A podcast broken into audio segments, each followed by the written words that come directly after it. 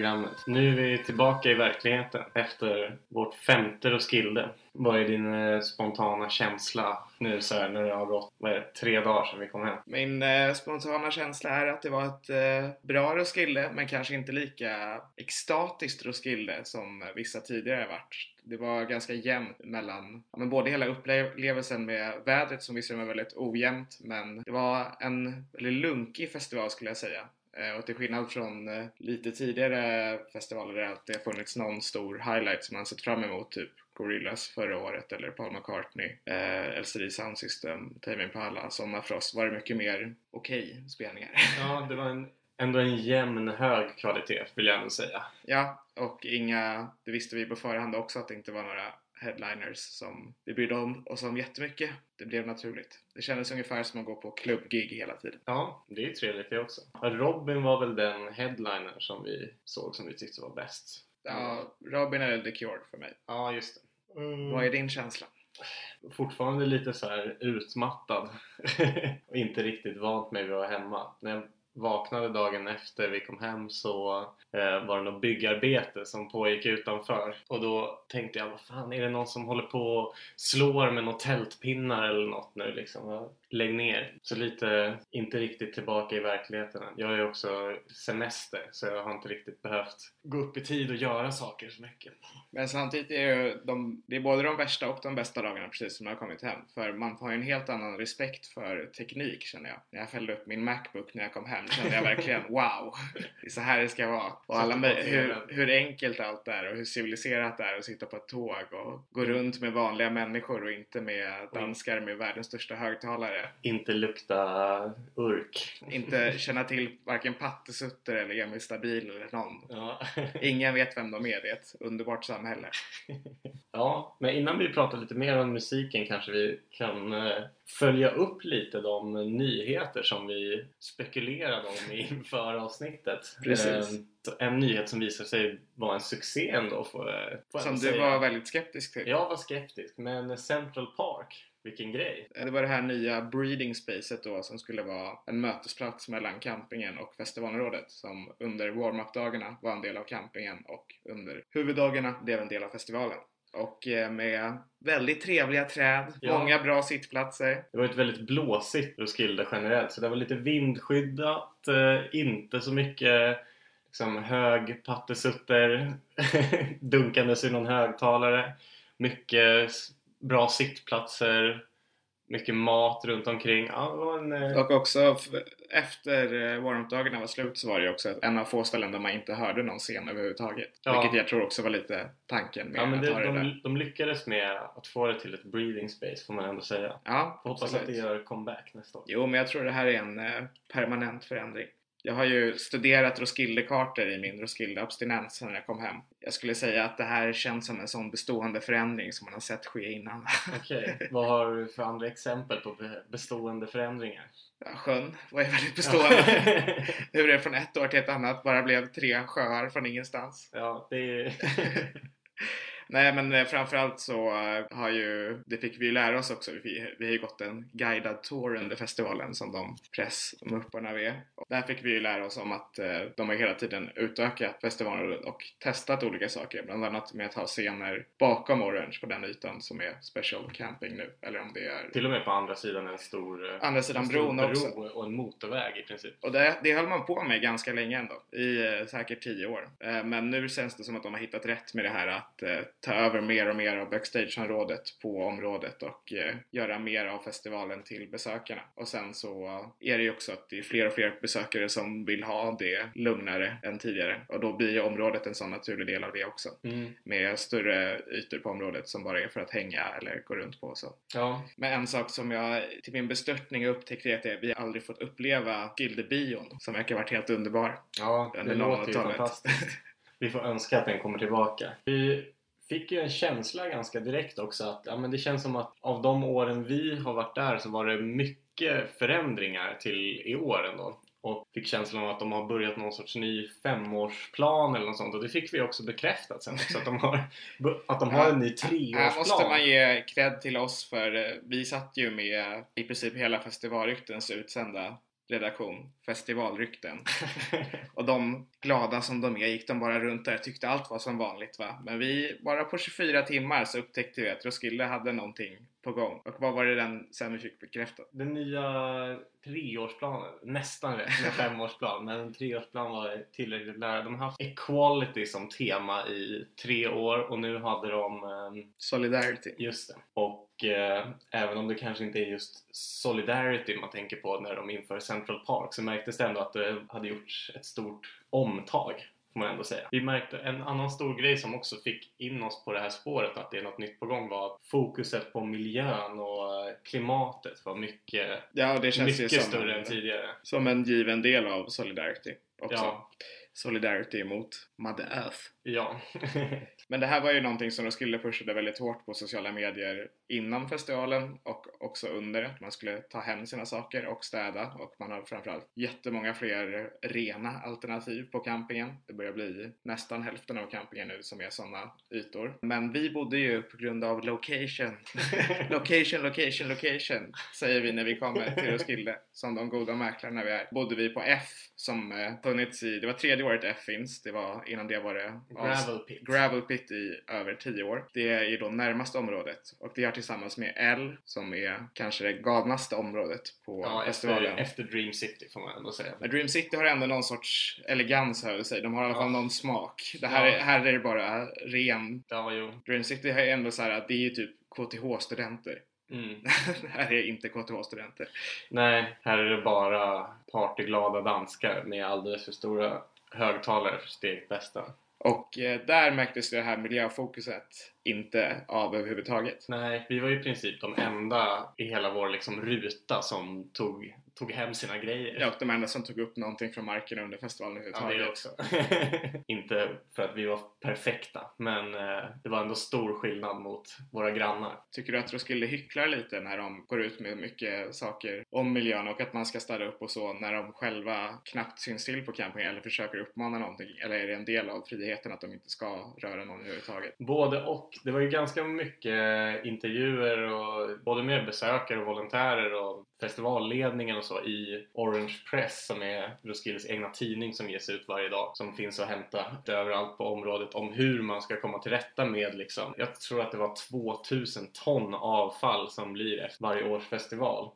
Jag vill ändå säga att de hycklar lite för det fanns massa bra idéer som de säger att de vill, de vill testa och sådär men det kändes ändå som att fokus var inte på att de ska fixa det utan att de ska ändra inställningen hos besökarna vilket i och för sig är bra men det skulle nog gå att kombinera på ett bättre sätt. Ja, Eh, Även om de säger att ja, men vi har fler soptunnor än någonsin, vi har bilar som åker runt och plockar upp trasiga partytält och allt sånt så tror jag att de skulle kunna hjälpa till och underlätta lite så blir inte steget lika stort för dem som ja, våra grannar som bara lämnar allting på marken och makrillburkar och fly, kommer flygandes och allt vad det är liksom. men samtidigt så blir det ju en svår situation för dem när en så stor del av festivalen bygger på att det ska vara total frihet. För de, de som skräpar ner mest är ju de unga. Ja, Vi skräpade ju ner mycket mer på festivalen när vi var yngre också. jo, Det ska man ju inte hybla med. nej. Det, ja, det jag tycker är en svår situation för samtidigt förstår jag att de inte vill gå in och typ tvinga folk att ta med sig saker. Nej, Men eh, Glastonbury tog 99%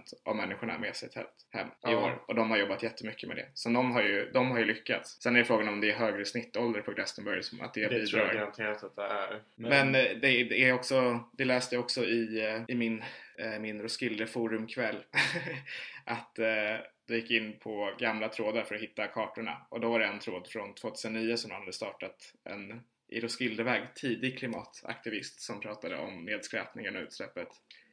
Eh, och där var ju svaren, jag tror att det var 2009 om det var 2010. Varför finns det inte fler soptunnor? För det verkar inte finnas några soptunnor överhuvudtaget. Och då sa alla svar var så här, det går inte. Folk skulle bara bränna ner dem efter en dag. Folk bara bränner ner allt. För det var, då var Hellnight mycket större också. Också själva pyromanin verkar ha varit mycket större. en trend i samhället. Sen Ja, ska man ju det- också säga att Roskilde är åtta nätter. Det är skillnad på att eh, ta hem alla sina grejer som man har haft med sig för åtta nätter än för tre nätter och så vidare. Det gör ju saken lite, de har lite större uppförsbacke får man ändå säga än många andra festivaler just eftersom det pågår så länge. Får hoppas att de, eh, att de lyckas. Ja, men det där tar nog... eh, Roskilde är ju som en liten stad ändå med invånare som är där och många nya invånare som kanske bara är där ett år och inte känner till någonting också. Eh, och det tar nog lång tid att förändra överhuvudtaget.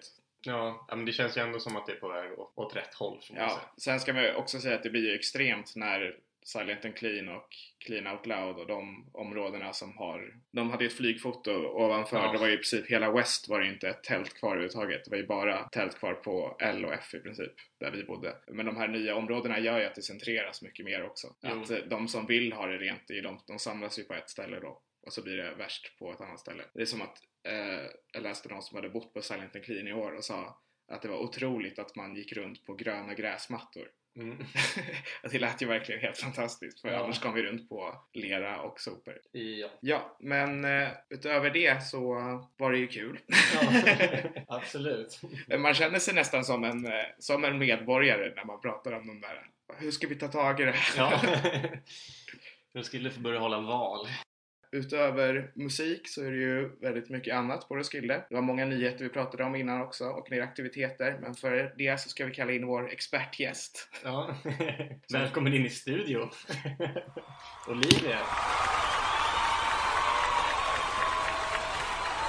Eh, ja, välkommen Olivia Blomgren till studion. Tack. Som även är ditt hem. Ja, jag sitter i mitt kök. Vad börjar? Hur var ditt Roskilde i år? Det var bra. Eller jag var ju väldigt förkyld och så, vilket påverkade mitt Roskilde ganska mycket. Men eh, om man bortser från vädret, som kunde varit bättre, så var det, så var det bra. Jag är nöjd. Ja, vad var bäst? Bäst var nog musiken. Ja.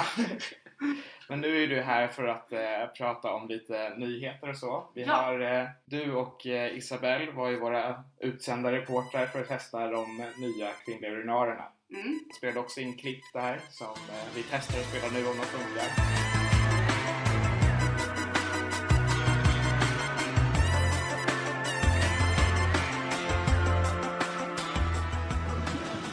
Hallå! Hej! Isabelle här. Och Olivia. Och vi ska testa eh, tjej... Urinuaren. Ja, Heter det så? ja, jag antar det. Eh, det är en... Eh, Det är två trappsteg upp. ja, och den är jättestor och rosa. Och det är två trappsteg och det är ganska dolt för det, är så här, det svänger lite grann så man är lite Det är som en inkapslad.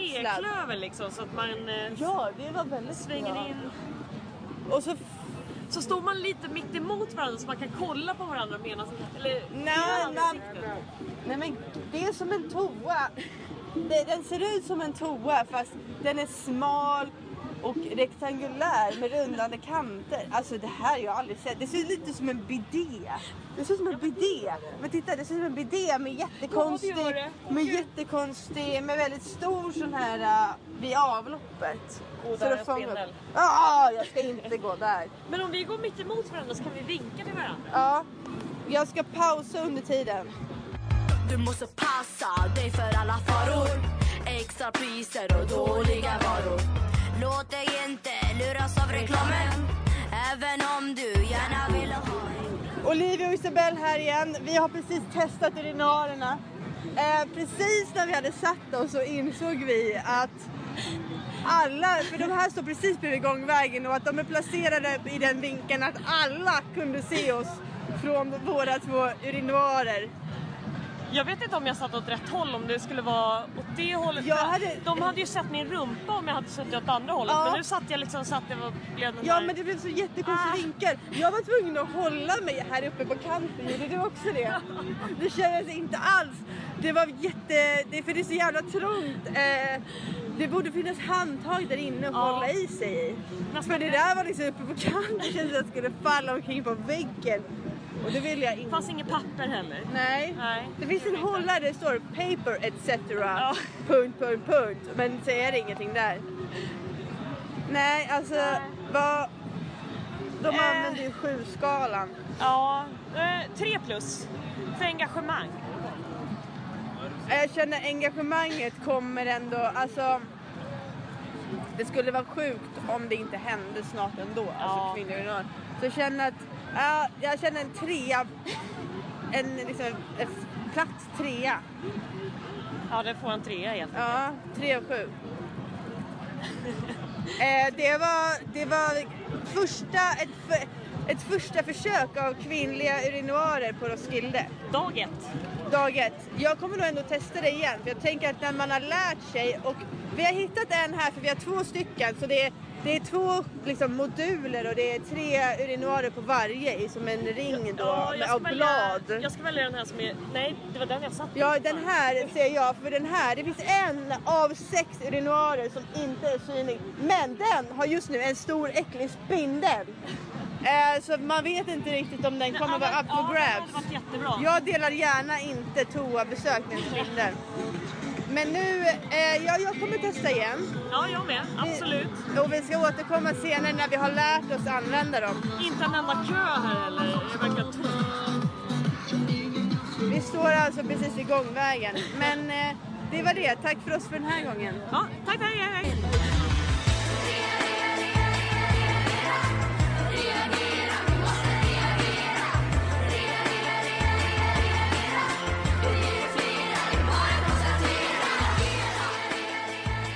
Var de här uh, rosa nyheterna? Det var, som vi säger då i första klippet, det var väl lite av en chock att se dem första gången och tänka aha, är det här som, är det här en kvinnlig urinoar?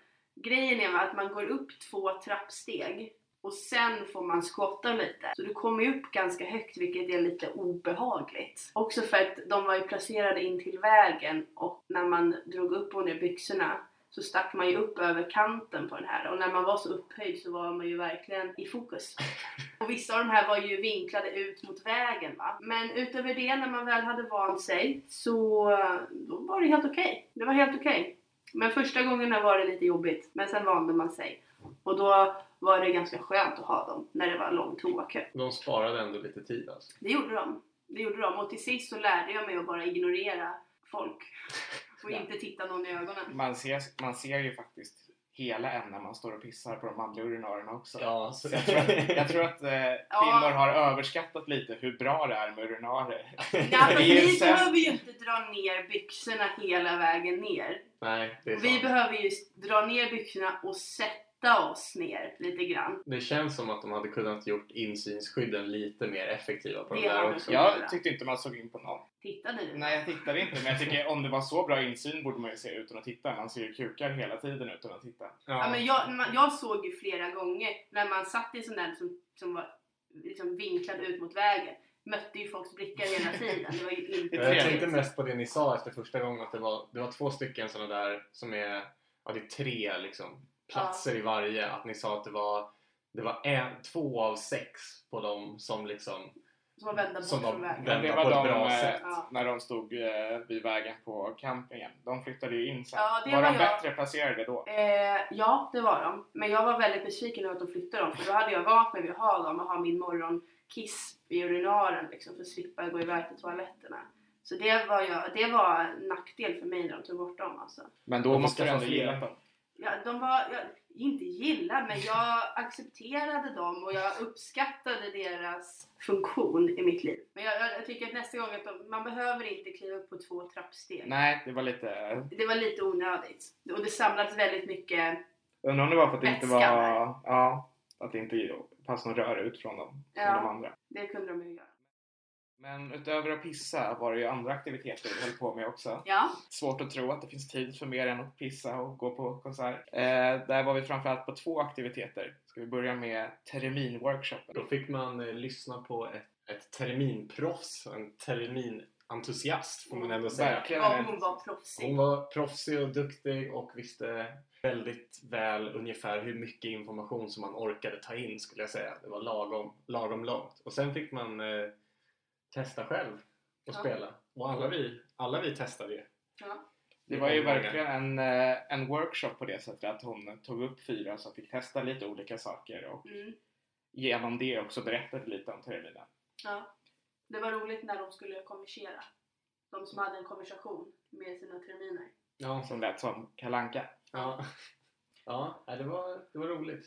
Var du nöjd med din födelsedagsaktivitet? Det var jag.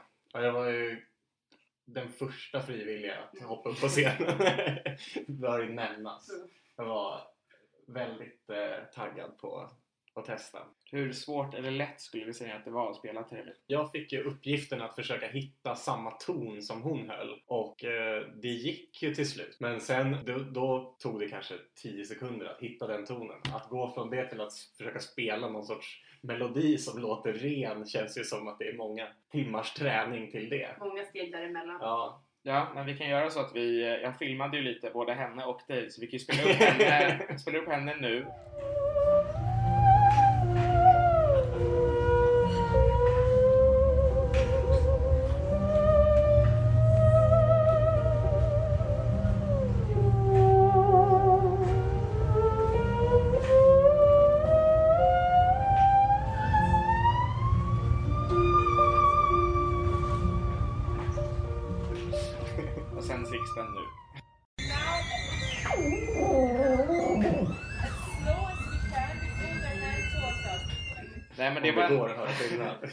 Det var ju då i Science Pavilion och det var ändå väldigt kul skulle jag säga. Ja. De hade Two ju, thumbs up. ja, och där fick vi testa VR-glasögon också. Ja, Vilket var spännande. De hade ju den, en workshop som vi missade som jag hade velat gå på. Den där man fick se de osynliga partiklarna från kosmos. Det lät ju väldigt intressant tyckte jag. Får hoppas att de gör något liknande nästa år. Ja, Nej, vi hann ju tyvärr inte bygga våra egna solceller som vi Nej, pratade men- om innan heller. nej det gjorde vi inte. var det också där? ja. Ja, men det fick mig också tänka på att de har tagit bort den där äh, maker-grejen överhuvudtaget. Mm. Där man fick bygga saker innan. ja, där vi har byggt vår stereo som nu har krigat i tre år. Ja, vi var... Det är det sista stereoåret som fick byggas alltså. Var det det? Ja. förra, året var det ju, förra året var det VM-bin och idrotter. Just det. Ja, och eh, vi gjorde också en annan workshop, graffiti-workshopen på Ja. området. Mm, det var otroligt roligt. Det var kul. Det var skönt att vi inte behövde vänta så länge heller. Det var, mm. Ja. det var, det var synd att eh, den målades över så snabbt. ja, det var ju inte en lika ledd workshop utan mer här har ni flaskor, det här är korkar i olika storlekar, Mm. kör! Glöm, inte att ta, eller glöm inte att ha på maskerna hela tiden. ja, Men det är väl lite så man blir graffiti-konstnär också tänker jag.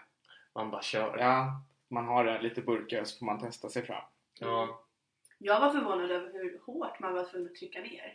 ja Jag blev lite, så här lite trött i fingret efter ett tag. Man är Ja. inte van. är, Och, och trycka ner för att hålla jämnt tryck också hela tiden. det är ett hårt yrke. Jo, men man märker ju, vi går ju på området till press innan det är öppet när de ritar upp graffiti-väggarna. Och det är ungefär sju gånger av tio man går förbi där de mest står och tittar och röker en jolle. och sen ibland målar de lite. Det verkar vara ett väldigt eh, socialt uttryck. ja, vad ger du den i betyg? Sju av sju. Oj, Ja, men jag har vilken inga- succé! Jag har inga klagomål på graffiti-workshopen. Inga alls. Det fanns ingen tidsbegränsning hur länge man ville vara där. Eller hur länge man fick vara där. Och de sa inte heller hur, hur stor eller liten yta du fick ta upp. Det var jättebra. Ja. Har du några sammanfattande ord om din Roskilde-upplevelse? Överlag bra. De hade kunnat sända VM-matcherna tycker jag. Det är ju ingen riktig fotbollsväver Nej. framför radion som vi hade ändå. Men jag tycker också om det ska vara så jämställt och grejer. Då kan de faktiskt sända dam-VM om de sänder herr-VM. De sände inte herr-VM 2014 heller kan jag säga för att Danmark inte var med. Eh, Det Men om Danmark ska vara sådana bebisar då tycker jag inte de ska sända någonting alls. Eh, Det är väl det jag har att säga. ja, det känns inte som att det hade varit så svårt för dem att sätta upp en skärm och visa matcher. Det är ju inte så här. Om man ser till vilket stort projekt hela festivalen är så är det en väldigt liten del att eh, bjussa på ändå. Ja, Ja, men eh, tack så mycket för din medverkan Olivia. varsågoda. Du är välkommen tillbaka när som helst. En applåd! Tack, tack, tack. Hejdå. Ja, och eh, vi ska väl kasta oss in på nästa gäst som är ett av eh, få utförda arbetsinsatser vi gjorde. finns ju även lite få matrecensioner på vår Twitter där korven nog blev vinnaren till slut. Ja, i Oväntat alla fall, i alla fall av de nya maträtterna. Ja, annars var ju Mikuna Burger årets succé. Efter Ja. ett by year förra året så kom den tillbaka. Eh, och, eh, men här kommer ett klipp med Austin Maloney för att sammanfatta warm-up-dagarna.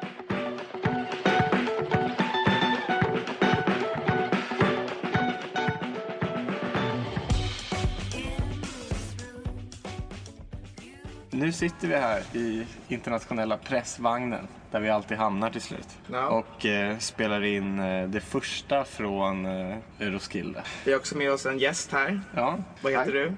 Jag heter Austin. Och vad gör du här på Roskilde? Jag rapporterar från festivalen Ja. som musikjournalist. Så jag har intervjuat några pers, sett några spelningar, gick runt. Det är typ det. ja. du är också här som första gångs besökare på Roskilde. Ja, det är sant. Roskilde-premiär. Hur var dina starkaste intryck så här långt av själva festivalen? Mest kaos skulle jag säga. Men det är ett kaos jag har lärt mig att tycka om nu. Ja, det tar några dagar. Ja, ja det tar några dagar att typ, ta in det och typ, förstå hur det funkar här. Det känns som en helt annan värld. Det kan bara vara att det är Danmark. Så. Det är nog båda är nog med och spelar. Ja. En kombination.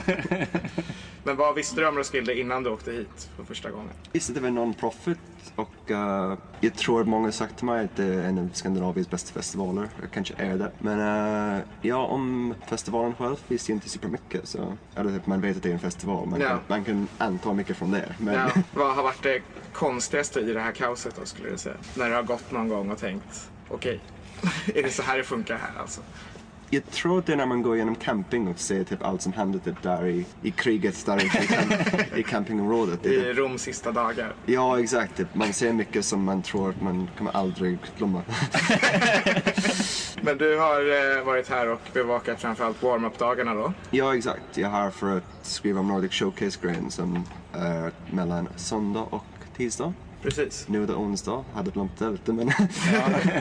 Och de här warm-up-dagarna brukar vi prata om väldigt mycket. I en föravsnittet så var det halva avsnittet. Vad har eh, du sett hittills på warm-up-dagarna som du tycker har varit bäst? Ja, det är många band som jag hade sett förut, som typ Lynn Cork Emery eller Hoyla eller några andra. Mall Girl, så jag hade sett dem, så jag hade, de var inget nytt för mig, men de var asbra. Men eh, den som jag har sett som var ny, som eh, jag var lite eh, överraskad av, var Eikaya igår.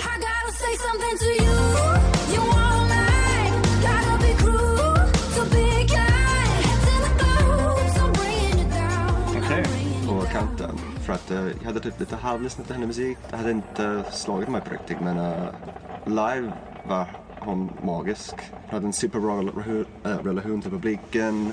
Hade supermycket s- scenkarisma, energi. Så ja, jag kommer lyssna med. Härligt. Men skulle du säga att generellt sett har det varit några bottennapp eller har det hållit en hög nivå programmet som Roskilde har bokat? De band som jag har sett har varit ganska, alla varit ganska bra. Typ. Inget som inte funkade. Nej. Så jag tror, jag skulle säga ja, att det är en ganska hög nivå här på Push Nordic Showcase-delen. Nordic Talents heter den, glömmer alltid vilken det är. Men Den har bytt namn hundra gånger. Vi kallar den alltid för Roskilde Rising för att den hette det ett tag. Och sen nu har jag långsamt börjat gå över till warm-up-dagarna men det Ja. känns inte riktigt rätt. Men alltså Nordic Showcase är det nya. Eller Nordic Talent. jag tror att det är Nordic Talent. De har inte lyckats Se- få ut sitt budskap. Se jag journalisten som är här för att skriva om det. Du börjar texten, det är rubriken. Nordic Talent? Frågetecken. Nordic någonting. Ja, du var ju också på, eh, festivalen inleddes ju med en showcase av eh, dansk hiphop. Ja, det... Där eh, bland annat Patte Sutter spelar som är kanske festivalens största campingartist. Som är, i år, förra året var hitten Technopick och i år är hitten Hon har en pick. Ja, jag tror det. I alla fall där vi bor. Verkar ha väldigt stor fetisch för könsorgan, Patte Sutter. Ja, lite, lite Danmarks Det vet du kanske, eller något sånt där. Ja. Men du var ju på och såg det här, eh, var det där hela tiden de fyra timmarna det höll på? Vilken dag? Jag glömde det. Den första dagen, där det var på... Eh, Ja, just hiphop. det. Ja. Jag blandade ihop den med eh, en annan dansk hiphop-grej. Så det, Det händer lätt. det, det, är ja, men det var, det var typ um, lite typ new wave Soundcloud-rap. Ja. Som är inte min genre, så, men det var bra för vad det är. Typ. Det, det är Ja. inte min grej. Så jag kan inte kommentera på den så mycket. Så, Du är inte Emil Stabils största fan. i Mr. Men, de är ju väldigt... Eh, de har ju verkligen ett speciellt sound tycker jag, de danska rapparna. Det känns som att alla har en väldigt så här, trap men också väldigt mycket humor och ganska Ja, pla- det kan- plojig liksom. lite mer lekfull kanske. Ja, det finns inte så stora problem i Danmark. Så. Det är världens lyckligaste folk. Ja, Speglar. Är det inte Finn? Ja, Finland, kanske. Men Finland har ingen hiphop än. Har inte kommit dit. De kommer, de kommer upptäcka hiphop snart. Det Eminem skitstor Det 2020. kommer vara tufft. ser inte fram emot Nordic Talent-programmet när finsk hiphop kommer in också. Vi såg ju isländsk hiphop förra året. Det här var ännu länge sedan. Om du det menar det där var. kollektivet Ja. med dräkterna. Ja, Reykjaviks dotter eller vad Ja, de är asbra. Ja, jag tror det var första året vi var här till och med. kanske. Åren flyter ihop. Ja. ja, men du ska åka hem nu. Du lämnar festivalen när den väl börjar. Ja, my work here is done. Ja, jag ska åka hem imorgon. För att, eh, jag stannade för Nordic Talents och då, de sa till mig att jag borde stanna en dag till och se en dag av den riktiga festivalen. Så att det är idag. Ja, Så vi kommer se typ, vi sitter backstage nu och den är nästan byggs klar. Ja. Så det kommer vara spännande. Den här stressen som man ser nu när det bara är timmar kvar tills det öppnar är alltid lika imponerande. Det är ju, när det bara kommer ett flak fullt med plankor. Om man tänker, hur kan, är de här plankorna viktiga? Hur kan har de glömt de här plankorna? Är det nu de går på att de ska vara någonstans? Men det löser sig alltid någorlunda. Ja. Men eh, skulle du säga att det har varit någon skillnad? Har du märkt någon skillnad på själva spelningarna? Att de är på Roskilde? Du, speciellt på de banden du har sett innan. Att banden har varit annorlunda eller tyckte att det varit något speciellt eller så? Nej, bara kanske att de här spelningarna är utomhus och Ja. när jag sett en band förut, det var inomhus. Jag tror att det, det är inget typ speciellt typ Roskilde-känsla från spelningar. Jag kanske borde ha sagt att det finns en sån. men- Ja, jag tycker det finns en sån. Speciellt typ... Eh, Ibland i alla fall. ja, på vissa Ja, jag band. skulle säga för de danska band i alla fall. Ja, För de är det här typ så stort att det kanske um, är lite speciellt för dem, men lite mer speciell känsla från Ja. spelningarna. jag tänker också Malgirl tycker jag kändes som att de är i och för sig väldigt aldrig, alltid väldigt energiska. Men att det alltid att de skriker typ Roskilde! Att det är, så här, att det är sjukt att de är där liksom. Ja. Ja. Ja, de var supertaggade för Och att de liksom har haft eh, Roskilde släppbilden som deras omslagsbild Ja. sen februari. Så det är för de nordiska är det ju något stort i alla fall. Men ja, Ja, det märks inte på alla Ska ju spel. Silvana öppna Orange. Det blir stort för henne. Kanske. Tror jag. Det är tror hon tycker det är stort. Hon har donerat de där pengarna till Popkollen. Ja. Ja, jag har, du, märker av Roskilde sådana saker väldigt mycket så de pushar väldigt mycket på utåt. På Mm. själva området skulle du säga. Ja, det är något man märker här, typ, som en skillnad från andra festivaler. Typ. De har många sådana bra initiativ här. Ja, det är mycket på en gång som de, som de gör. Ja, men eh, om du får sammanfatta ditt Roskilde nu då, när det är i princip över. Tror du att du kommer komma tillbaka? Har du blivit tillfredsställd av Nordic Talents? Ja, jag kommer såklart komma tillbaka. Det kanske kommer bli en tradition för mig som ni. Att jag kommer hit varje år. Jag sammanfattar på typ bara några år. Ja, om du vill. Får en bra... Du kan också, vi kan klippa Eh. runt. Ja. Jag kommer tillbaka om fem timmar när jag kommer på något bra. Ska missa Silvana bara för att jag har det nu. sit- sitta i pressrummet och... Filosofera lite. Nej, annars kan vi bara avsluta så här om du vill. Nej, också. det är, jag skulle säga typ... Det är en superbra lineup, superbra blandning av artister, genrer och uh, stilar och det känns som typ... Det är en riktigt cool festival. Folk hade kul här. Trots Och, eh, vinden. Trots och vinden och kylen och solen och Ja.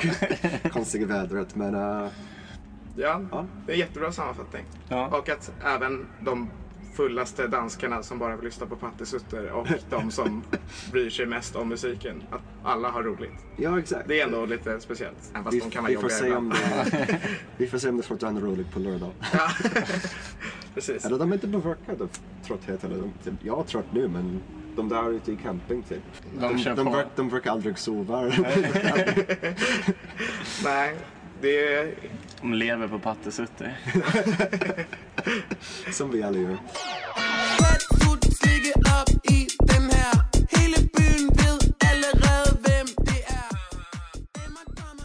Ja, Austin eh, sammanfattade i warm-up-dagarna. Han åkte till och med hem sen, som han sa tror jag i klippet. Att det var bara de dagarna han var här, sen var det hem och ha semester. Sen började ju eh, då huvuddagarna. Han var ju kvar första huvuddagen. Ja, just det. Det var han. Och han då framförallt ser sina landsmän i Fontaines DC. Dublin in the rain is mine. A pregnant city with a Catholic mind. Starts those sheets for the bird. Ja, när vi, Fullkomligt krossa Pavilion. de eh, irländska indie-rock postpunkarna som eh, gjorde, enligt mig tror jag i alla fall, den bästa spelningen på festivalen. Och vi träffade ju på Austin efter spelningen och det var ungefär som att Irland hade vunnit VM-guld skulle jag säga. Ja. ja, jag kommer ihåg att du sa bara grattis och han, han tyckte inte det var dugg konstigt överhuvudtaget utan bara tack. ja, men det var nog kanske den, den bästa spelningen även om det kanske inte var den, den eh, spelningen som eh, jag hade, hade roligast till men jag tror det var den mest väl utförda spelningen som vi såg. Annars... Det vet jag inte heller. Mest välutförd skulle jag ändå säga Tropien var.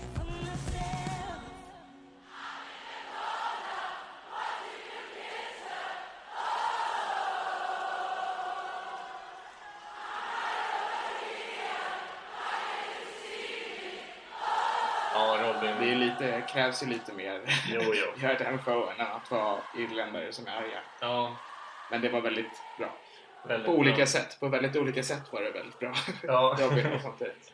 Eh, andra höjdpunkter för mig, eh, Kroang Bin, eh, Shame och eh, Kikagako Mojo får Ja. jag säga. Krang Bin var ju sista dagen klockan ett och var verkligen ett perfekt mode för den stämningen.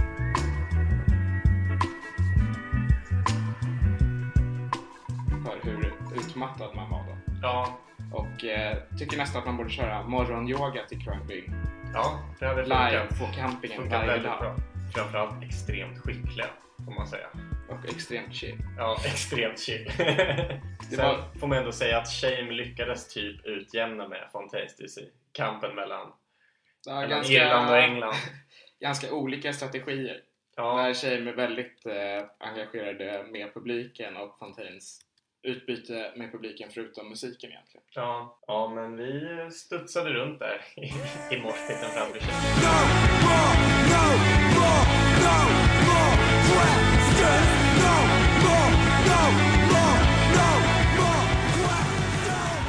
Ja, man kan ju säga att eh, det var en eh, stor... Eh, det blåsiga, regniga vädret gjorde ju att tältscenerna och inte minst Gloria, eh, som är inomhusscenen, fick väldigt mycket besökare.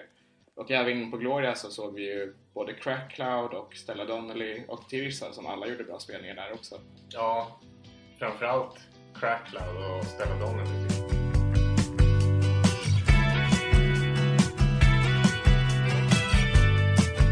Ja, Eh, Vi såg ju några minuter av Baby in Vains eh, ballettprojekt grej också. Det var, det var häftigt men det räckte med en kvart. jag tyckte, jag tyckte inte om det. Jag tyckte det var värsta sortens performancekonst. Okej. Det här är typ någon maskerad person som står och förstör för trummisen. Ja, jag fokuserade mest på musiken. Det var väl de som stack ut. Som sagt var det väldigt jämn nivå. Sen var det ju... Jag tyckte The Cure, som, men då var du på Kikakumoyo, ja, jag såg första timmen av The Cure. var väldigt bra. Och eh, jag har inte lyssnat på dem särskilt mycket. Jag hade inte särskilt höga förväntningar. Men eh, jag har förstått av recensioner att det också var en väldigt bra Cure-spelning Jo, men de, de hade bra energi. Och att man. de eh, typ är i sin prime någonsin just nu. För han sa under spelningen också att han aldrig haft så kul att spela sina här låtar överhuvudtaget. Det är ju härligt. bandet. Och det märktes. Och en bra avslutning på Orange. De stängde ju hela...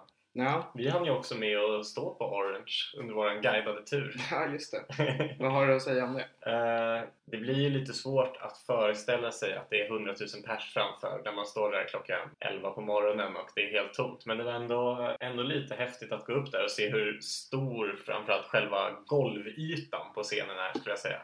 Det är ju mycket mer än det man eh, föreställer sig och ser om man står framför scenen. Det är väldigt mycket yta där bakom som man inte, som man inte tänker på. Han berättade också att de har problem med formen på Orange för att ljuset hamnar så pass lågt att det inte går att göra alla grejer som kanske de här största världsartisterna vill med, med ljuset. Så att de Ja, satsar på att få en ännu större scen till nästa. Det var väl också att ljuset eh, var att det är ett omodernt ljus. Att man ser, man ser själva artisterna sämre. Att det är så man hade ljus förut men inte längre. Att det Ja. var det som var problemet. Jag tror inte det var så mycket att artisternas produktion. Det var bara rent generellt. Och det är ju, det var svårt att jobba med när det är Ja, men så man- lågt. men det är ju en konstig scen. Det finns egentligen ingen... eh, Alltså om man skulle bara vara rent rationell finns det ingen anledning att ha kvar den. För den är ju... Dels så ser man ju... Den är inte så stor, det öppna som man ser. Nej. Och den är ganska sluten också, lite som en mussla. Ja. Så det är ju inte det optimala för att titta på artisterna. Men sen så är den ju ikonisk fin. och eh, Det här var ju, sa att det var tredje generationen eh, Orange tält. Ja. Eh, och det kommer, Eller om det var att de hade bytt tre gånger eller något sånt.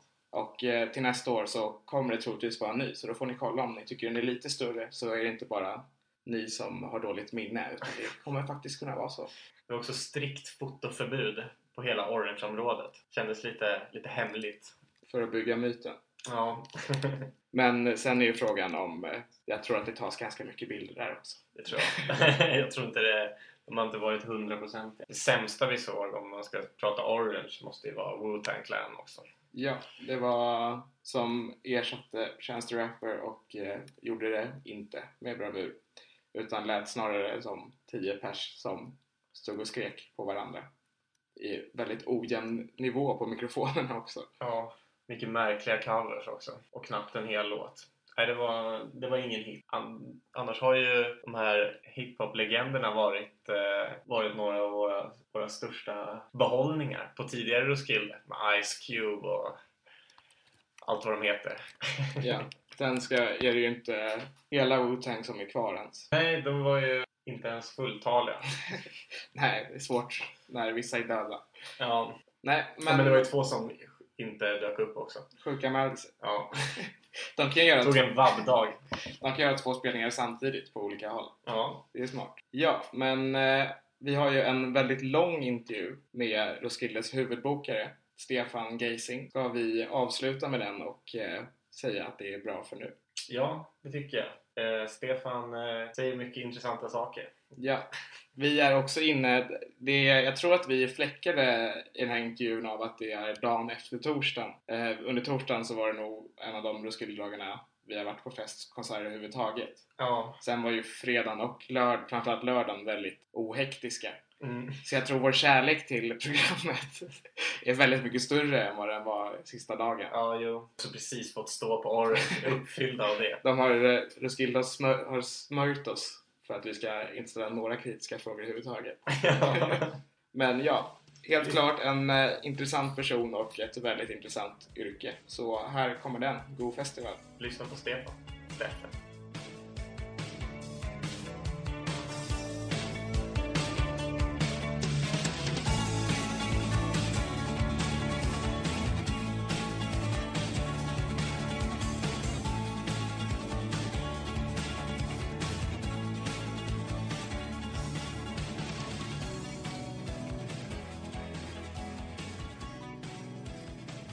Perfect. We're sitting here with Stefan. Who are you, Stefan?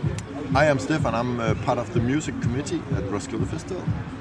It's a committee that is uh, partly uh, professional, partly with volunteers. We are seven people booking the music program, and I'm one of the four who has it as a as a job. Yeah. And we have three people who's have, who are volunteering, and we have meetings once a month where we uh, discuss music, a lot of music. we go to a lot of concerts and we go to other countries also to see a lot of shows and other festivals to try to do the best program for Roskilde Festival. And for how long have you had this job? I have been doing this for oh 12 years. 12 years. Yeah. What background did you come from when you started this job? Yeah, I played music before. Uh, I was a musician for a couple of years, so three or four years. And uh, actually, I have a, a background uh, as a teacher, or not. I'm, I was teacher for a couple of years, but I, I have a, um, education as a teacher. That's that's my background.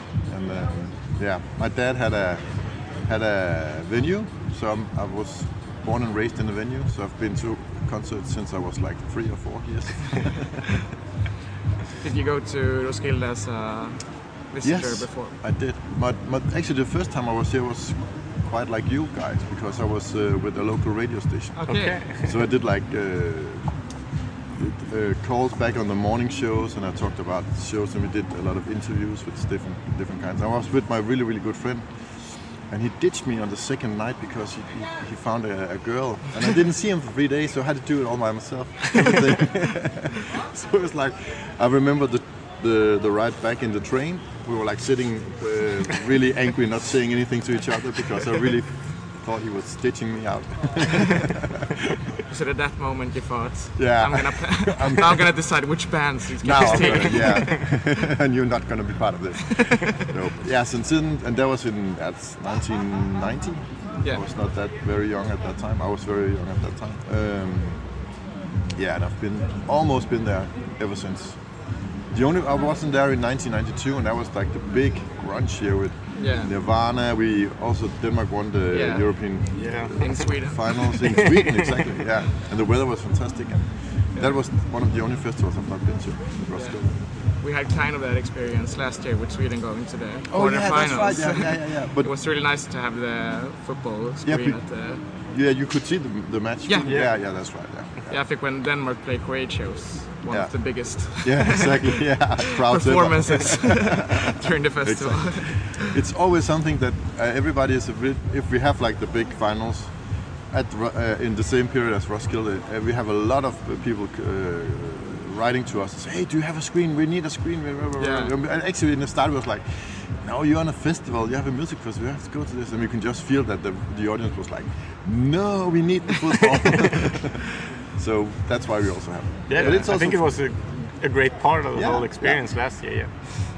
yeah, and that you showed all the games as well, so it's Yeah, really exactly. like Yeah. so fun to hang out and watch games. And also, if you, you if you showed up to the festival, you can suddenly see how many people from Portugal was at the Yeah. festival, and how many people from Sweden was Yeah. there because you can see. I think we had the only Swiss guy at Roskilde Yeah, yeah. close to at the quarterfinal. Yeah, one guy sitting there and thousand Swedish. Uh, We're very interested in like the booking process Yeah. uh, for Skille. We've been here five years. This is Mhm. our fifth time, and uh, we're always like really caught about the broadness of the lineup. And Yeah. when we listen through the program, that we can find everything from Arabic, free jazz, Yeah. to Cardi B or something Ex- like that. yeah, exactly. Uh, how do you start booking such a broad Yeah. I think if you look at other festivals, they they normally have like one booker, maybe, or maybe two bookers during the whole festival. We have a, a whole group of people, so we we can uh, divert, or we can have different areas that we are specialists in, if you can say that. So we have a guy who's uh, a girl who's really into the indie scene, and she goes to a lot of indie concerts and stuff like that. I'm, a, I'm uh, my area of expertise is the Nordic countries, so I see a lot of Swedish bands, a lot of Norwegian bands, and Finnish bands. Finnish bands are difficult to see because there are not that many Yeah. touring, uh, so you have to go to Finland. Uh, but that's also nice, Finnish people, and uh, Iceland and stuff like that. Um, so and, and we we have the different areas that we have to be the specialist in, if you can say. It, it doesn't mean that I, I'm the guy who, who, who tells what Icelandic bands we're gonna have. I can I can suggest Icelandic bands to the other persons in the group, and then we have this meeting and we have a discussion about it. So you have to have like a really diverse uh, knowledge of music, but also something that you really like, and in that spectrum we can have a discussion about it. The guy who do all the like, if you can say world music, I don't like that word, but music from other uh, not European or American countries. Yeah. it's a guy called Peter, and he uh, he's traveling the whole world. He goes to Africa, he goes to um, America, uh, well, uh, South America, Brazil, and and also um, right now he's trying to explore more the the, uh, the Asian music scene because it's very it's very interesting these years. So we have these meetings and then we have like discussions about it and then we pick out the bands that we think would, would be suit for the Roskilde program. And we get when we get later in the process, we, we, we start to also to look at different genres. So it- it's not like one year we will have like 50 hip hop acts. Uh, so we try to have a balanced program in that way that it's very uh, important for us that we have this diversity in the program. And another thing is also that's very important is that we don't have like uh, genre scenes. Yeah. We really want the people to, to walk around because if you walk around, you also suddenly end at a, at a concert you didn't Yeah, expect to, definitely. to be. That in. happened us yeah, last night. exactly. And we then saw you're like, uh, yeah, well, Spleen United. yes, please. Yeah, yeah, never heard of them. yeah, yeah. Did you like it? Or? Yeah, Yeah. it was. Uh, they were very like hard to place within a genre. Yeah, it they started are. off kind of more indie rockish, and then Yeah. it went full synth pop after like five songs. Yeah, yeah. And uh, you could really see that the crowd. They're obviously a big band in Denmark, and it's always fun to see those. And like last year, we ran into Pablo Moses, Yeah, I think. yeah, and we don't go to that much reggae concerts, but it's No. always nice to like watch a reggae concert, and when you watch it, it's like world class. Yeah, exactly. And also, I think that's a good thing about festivals in general that you go and see bands that you maybe when uh, if they were playing in, in your home home uh, country, you, you wouldn't see the you wouldn't pay No. like 200 Swedish kronas to go and see the, the concert or something like that. But here, it's like wow, and you get an, an, an experience that you didn't expect to have. And, and hopefully, when you are going home and sitting on the train with your angry uh, friend, then then you have experienced something new and maybe something that broadens your interest in music. And, yeah. Yeah. But it must be hard because you have all these stages and all these stage times. Yeah. So you actually think of that early in the booking process to kind of have, oh, this is a Avalon two It's in the night good- kind of a concert. That's a good question, actually. Um, sometimes it's like, for example, we had uh, Hattari, the Yeah. Icelandic crazy Eurovision Yeah. thing, and when I saw that, I was like, I, this needs needs to be like a, a night show or, or an evening show because you can't do Hattari at 12 o'clock. at No. night. It's- th- that's just a bad combination somehow. So sometimes it's like this has to be like this, but other other times it's like this band could easily do. Maybe we did um, James Blake a couple of years uh, ago when, Yeah. where he played Orange Stage. He- yeah, he's playing. he's- I think he's played Roskilde three or four times, but he did a show where he played Orange Stage, and it was like six, uh, four o'clock in the evening, uh, the afternoon. And, and, and he was. I've never done this because normally I do shows when it's totally dark and it's. But it did something to his music that people were sitting in the sunshine with with his very dark uh, synth thing going on. In that way, it was like, hey, that makes totally sense after the show. Yeah. But before that, we were like in doubt if it, it was gonna work. So sometimes we do it, and other times it's more like, oh, we have to. They can only play at this because they have to fly Yeah. To the next gig or something like that. So it, it, can't be later than this blah blah. Yeah. Phil Anselmo is another story because uh, he uh, he he uh, his his uh, agent said the show needs to be before eight o'clock in the evening because he can get really really drunk after eight. So, so we need and, and, and it can be a good show even if it's ten o'clock or eleven.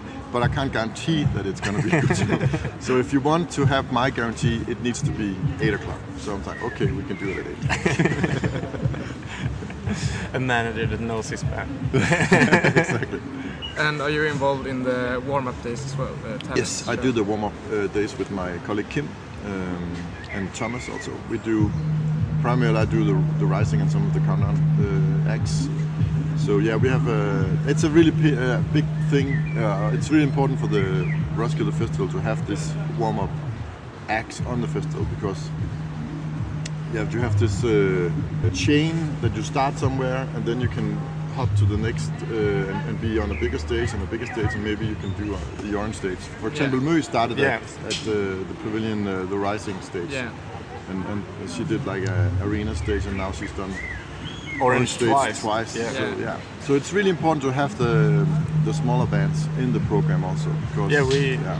we really like the, the warm up days Yeah, as yeah. well. Especially for discovering Danish indie music in Danish. Yeah. which turns out to be really good, and Yeah. we didn't know about like Fuglefrukt and. and Oh uh, yeah, you, s- yeah, yeah. We've been trying to book them to Stockholm, but they never. Okay, they don't say they're. They, they, they say they're. Maybe this is business secrets now. they say they don't. They're not ready for Sweden yet. oh, okay. Oh, that's okay. Oh, that's funny. Yeah, but yeah, but that, that's good that you have that. Uh, that that's also why we have like Swedish uh, indie indie band, or Yeah. Swedish, Swedish bands and uh, Nordic band and Nor- Norwegian bands, even though they sing in Swedish or they sing in Nor- Norwegian. Because I think also the Danish people, they, they, if it's a good band, it doesn't matter if you are No. singing in Greenla- in Greenlandic or you're singing in Norwegian or what you're doing. So in that way, yeah, it's Yeah. fine. Is there something special that you look into artists that you want to look to Roskilde? Or do Yes, you- there is. It, right in these years, it's a lot of um, a lot of people's success is uh, you have to look at their Spotify accounts and stuff like that. How many streams do they have? How many YouTube uh, streams do they have and stuff like that. But for us, it's really, really important that we have the, the chance to see the band live before we book them, because the live experience is what we are doing. and we we could easily book bands that we don't know if they're good or bad, and then cross our fingers and hope that they are, are good. So I would say we've tried to see everything live somehow, but of course we haven't seen everything because sometimes it's like yeah, I would say like around 90% of it, maybe 92% or something like that, we have seen live somewhere in the world uh, play a good concert, and that's why we book them. Primarily because of the live show.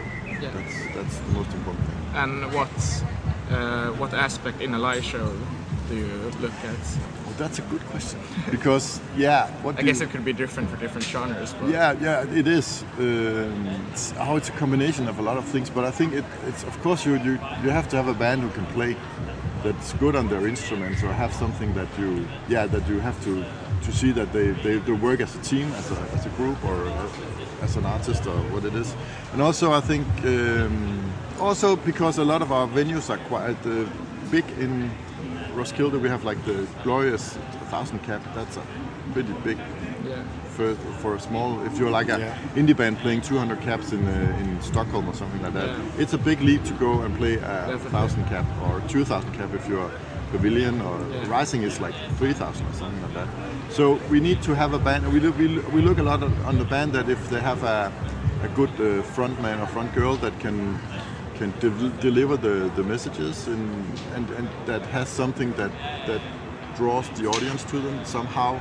Uh, it can you you can be uh, introvert and you can be like, but still have a char- charismatic uh, shine that, that that that draws you into the music somehow. So you have to have something that that I can feel in my heart or I can feel in my brain that that goes up my spine or do you know what I mean? It's Yeah. difficult to, to because also it's it's really a lot about a feeling I think yeah. Yeah. a feeling of something that that you can feel that they want something they want to do something with you.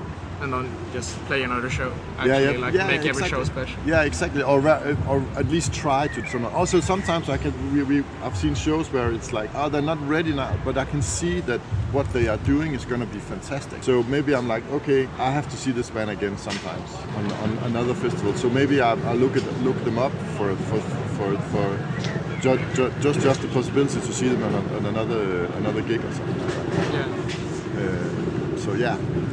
How do how do bands react when you when you contact them and say you want them to play Roskilde? That's the best part actually, Yeah. because if you are booking Cardi B, you don't talk to Cardi B, and No. she Yeah. doesn't work, uh, fuck about it in that way. Of course she does, but you know what I mean. Yeah. But and actually, yeah, it, that, that's maybe the, some of the, the the best thing part of my job is to call the bands and tell them that they can play Roskilde. I have had bands that were driving a car, almost crashing the car when, because they were like, "Oh, we're in the car, everybody. What do you want?" And then they, they put it on speakers, and they was like, "Ah!" but they, yeah, they're really excited and really glad. Uh, I once also actually, yeah, I, I- I met this band, and I, we have had a meeting before that.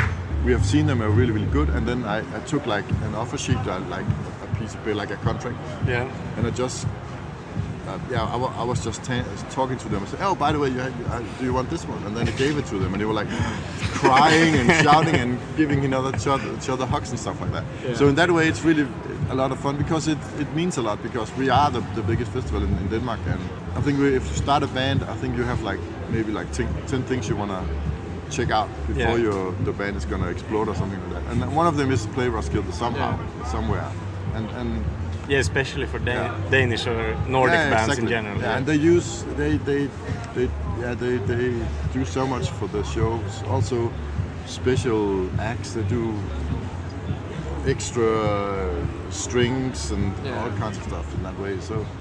It's really a privilege to work with the smaller bands. I would say it's uh, it's nice to give them that platform, and also to know that maybe three or four years later you can say, "Hey, you did it quite well. Now you're playing a bigger festival, so now you have a major hit and stuff like that." You build a relationship with the Yeah, artists as exactly. well, Yeah, especially the. Nordic and Danish ones. Yeah, and that go- sometimes also actually some some of the acts where you can say maybe they actually were big enough to play the main stages, we talk with them and say, I mean, we are thinking about maybe we should you should start on one of the upcoming stages. Think, yeah, that's a really good idea because they know that the progress of it's easier to to to start low and then grow in, in, instead of like starting the first show is going to be on arena stage, but where are you're going to go after that. Yeah. And if if you're not that uh, famous or something after two or three years, then we have to put you on a smaller stage. Is that then? Uh, Yeah. yeah. Do you know what I mean? That Yeah. it's, it's Yeah. if you if you start small and then you can build it easily over over 10 or 15 or 20 years, and then maybe someday you can be on the on stage. So, Yeah. And a packed pavilion is better than a half-empty Avalon. It's the same on venues. Yeah.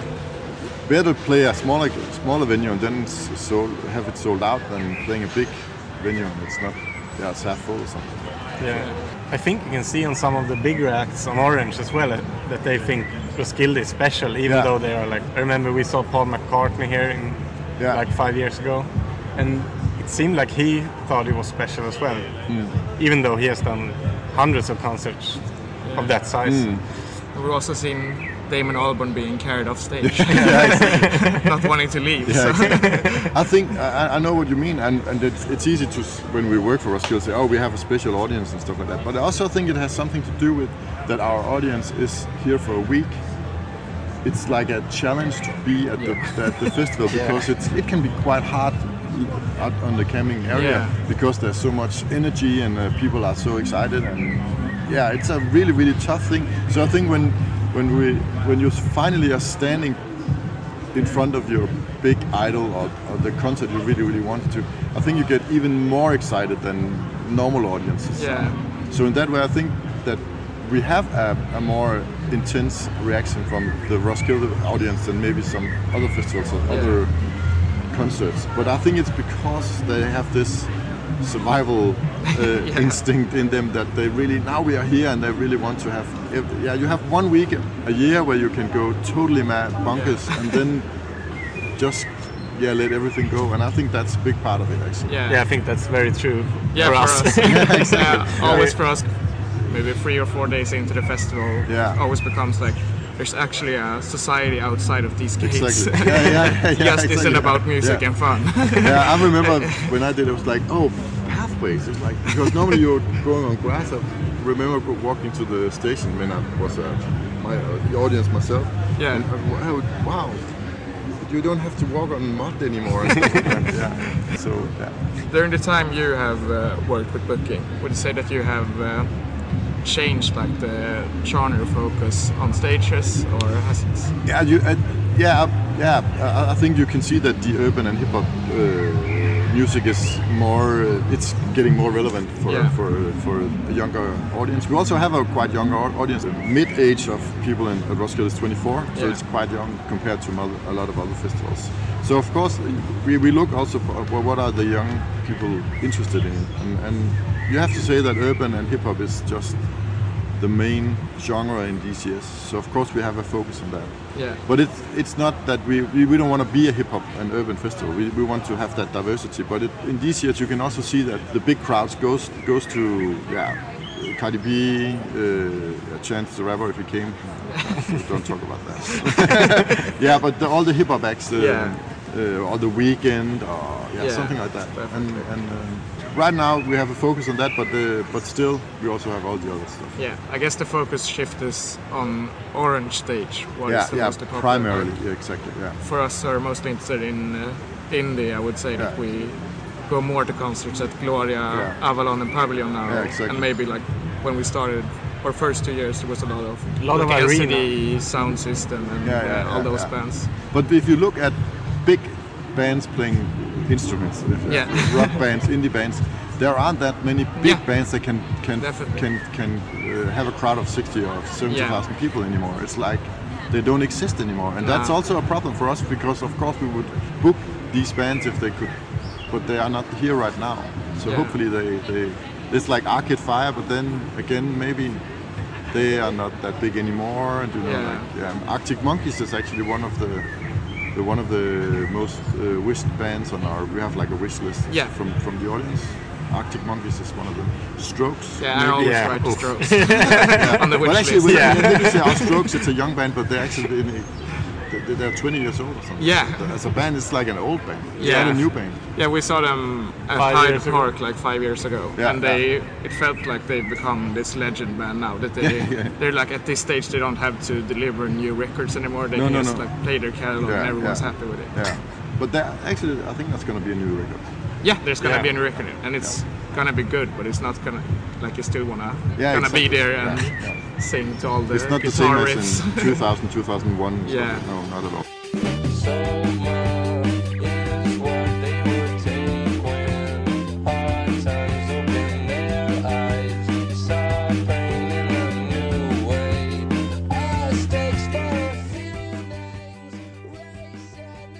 think you have kind of a dream job. Yeah. Yes, I also feel privileged in that way. Yeah.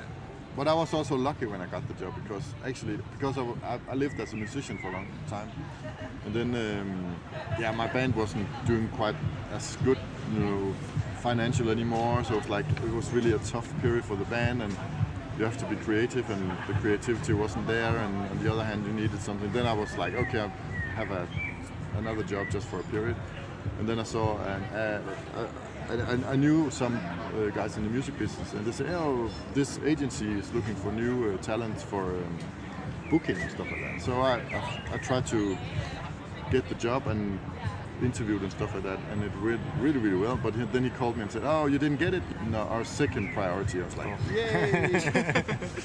That's nice to know. And he was like, "Hey, uh, maybe I can just have you in my back if something shows up." And then he called like half a year later, and he was like, "Hey, I know Roskilde is looking for a booker, and they don't want to do an ad in the in the newspaper because then they get like six thousand Yeah. people want to have that job. So they started with because he had all the interviews with a lot of people, so he could like point four or five out to start with, and then they could interview them. And maybe they didn't find the guy that they wanted, then they could like do maybe an ad or something. And then I got the job through that. So it was like, again, I was lucky and the network. Yeah. That's yeah. Is there when you get the job? Is there any like policy that you have to follow to? For the booking thing, or Yeah. Do the skill they have like a secret document about No. how like the booking, It's not what the festival is gonna be about, or like No, music? it not not it's not a secret, but that we want to have like a, uh, we want to book a program that is have the diversity. Yeah. That also is diverse in the way that our society is diverse. That's Yeah. really really important, and we want to. Uh, yeah, challenge our audience. It's Yeah. quite important also. They give them something that they didn't want it, know, knew that they wanted.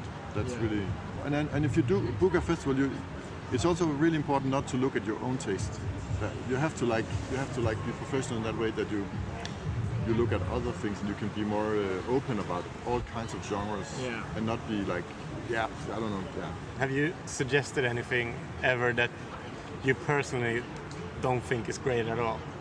Mm, I, I would say no, no, I've not done that because because you can go, you can listen to something and hear that it's good, and also fall in love with something, but not but not love it. Like Yeah. I, I would maybe not buy that record, but I I would love to go to that concert, and I, I, I would maybe do it again because it's a really really good band in that way. But but I've never booked anything that I really didn't like. Like no, I wouldn't say that.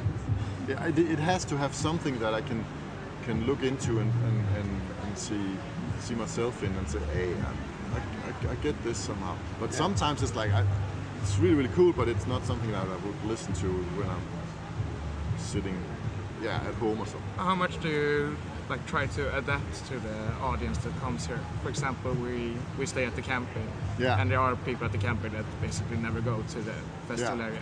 Do you But- try to win them over, or are you No. happy with them? Yeah, because I think that if you if you normally because they're very young when they start to do the festival, Yeah. go to the festival, and normally when you start going to Roskilde, it's like somebody you know talks about Roskilde and they say, hey, you have to go to the festival, or you maybe finished the school together with something, somebody, and they say, hey, you have to go to Roskilde, and then they go to the Ros- to the festival as a group, but they hang out as a group and they are maybe more uh, interested in the camp or, or and maybe they go to two concerts. Then they because it was so good and they loved the camping uh, life and what was going on the next year they come again and they're like but then now they begin they, they start to look a bit in the program. Like, Yeah. oh mate oh this is good. Blah, blah, and this is this this. And then, then maybe they go to 10 concerts but the third year is primarily because of the music. Yeah, so if you, you come back for the third year, it's primarily because you only come because of the music. Yeah. So it's like a progression. Like you have to learn to be at Roskilde, I think, somehow, because it's also really challenging. I could imagine it's really if you're like 16 or 17 years old. out out here and also with with, with what's going on. Yeah. It's re- it, can, it can be really challenging to, to be there, uh, but I think you learn so much, and I think you are coming home and say, I want to do this again because. Yeah. Also, I think today a lo- young people are society is so strict on them of ah, you need to get an education so fast. You need to do all these things and be here blah blah blah blah. And, and they don't have the time to just relax and be kids. And that's also because a lot of people are out there drinking a lot. They don't yeah but let them just do that. Yeah. it's a week goddammit just let them have fun and be stupid and do stupid things. Of course they have to take care of each other and stuff like that give them the space and the freedom to do something. Because I think after a Roskilde Festival for six or eight days, I think you're a bigger person somehow. Because you have this dynamic of being together with oth- and also because you, you meet so many other people that you've never met before. Yeah. Just because you are there. And I think that's so important. Give the kids some a break. Yeah. Let them drink and let them be crazy for a week.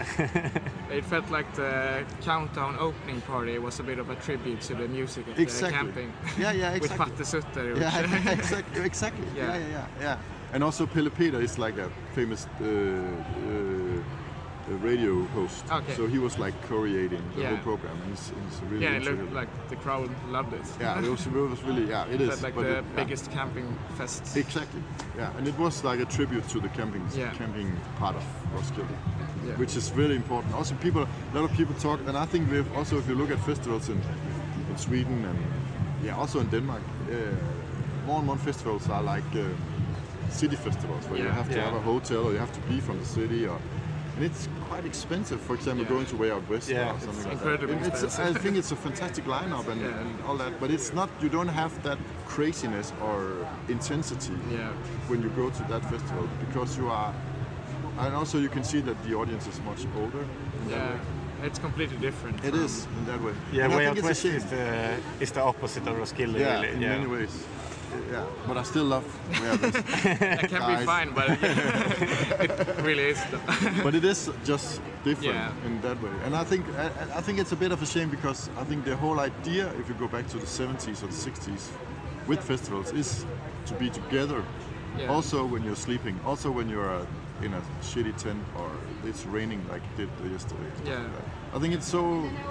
It's really that's if you could talk about it, the, the DNA of Roskilde. I think that's a bit of the DNA of Roskilde. Yeah. Yeah, we're gonna let you go soon. what do you, what's your like? I guess you get this question quite often. Yeah. What, what's the booking that you're most proud of? The most, but it's You can say several if you want. Yeah. During. But for example, I really like that we booked Hat, Hatari or Hatari, Yeah. the, the Icelandic, also because, and we, we booked them long time before they were in the Eurovision Song Contest. We didn't Okay. know that they were part of the Eurovision Song. I saw them in November in Iceland, and I just think they also because they have, even though you, you can look at them and say, ah, it's it's funny and ah, that, but they really mean what they're talking about, and they are like anti-capitalistic in their in their lyrics, and he Yeah. really has messages that he wants to get abroad with, and I really like that that that they try to do something different with what they do, and they are so. Uh, they're not going compromising with, for example, singing, and shouting in Icelandic. Nobody knows what they're, what they're talking about, but it's so important Yeah. for them to do that, and I really like that. And uh, also, it's it's just a band that's it's been quite funny to f- follow since we booked them because then all the the um, the Eurovision thing happened Yeah. suddenly out of the blue, and it was so funny. I think they have they won the Eurovision in Iceland, and I think it was in February or maybe late January or something like that. And I talked to the agent, and he said they have like you have the this also in Sweden where you uh, where, where all the kids are um, going in costumes, and we have it it's called Fastelavn in Denmark, but it's like. Like it's not like it's not like trick or treat, but it's we have it in February in Denmark. Okay. Okay. Now Yeah, but it, everybody is like Batman, Spider-Man, something like that. And they, they, yeah, but it's a tradition in them. But it's also a tradition in uh, in Iceland that they have this. And then uh, the, the the agent called me and said that all the kids, or half of the, all the kids, were were, were dressed like Hatari when they were were, were like like trick or treating when they were trick or treating. And I think it was so funny because they are like SMM and um, big mask and. Uh, and uh, LGBTQ and stuff like that. So that was uh, uh, yeah. In that way, that's I think that's just so.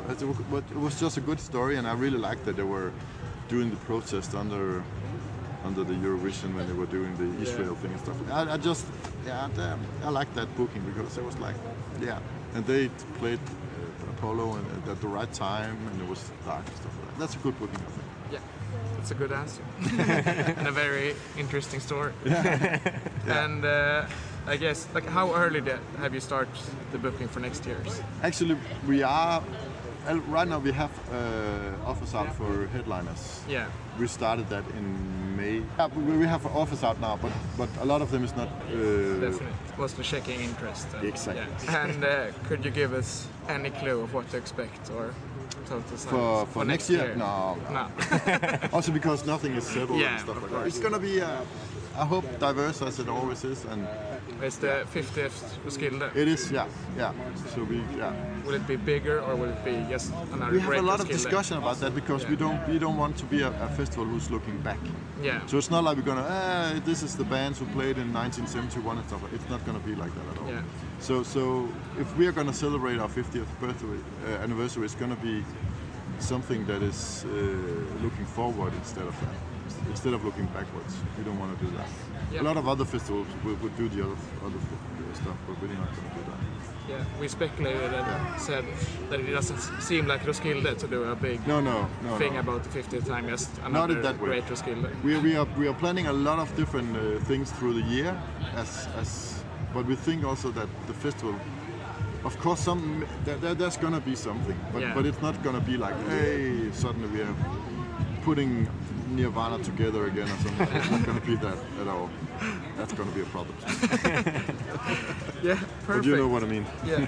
Do you have any more questions? What is your best Roskilde memory through all the years? Uh, I saw uh, a UK band called The God Machine, The God Machine, in 1993 or 94. Uh, that's one of the best shows I've ever been to. And they, I remember the the bass player. He was playing. He was having his bass really really low, but it was so low that when he was playing, he could he could lift his bass and then kick it with his foot, like, and, uh, and it was really aggressive and. And, and sadly, the actually the bass player died a year later in a motorcycle accident. So they only did two records or something. Then uh, the guy I can't remember, uh, Robin Propasheva, he started uh, Sophia, like an indie thing. I don't know if you know it, but it's really yeah. That's you should check. it out. It's really good. But that is one of the best shows I've been to, and one of these uh, really Roskilde moments where I didn't knew the band. I just Yeah. came in and it was like blowing my mind totally. Yeah. The God Machine.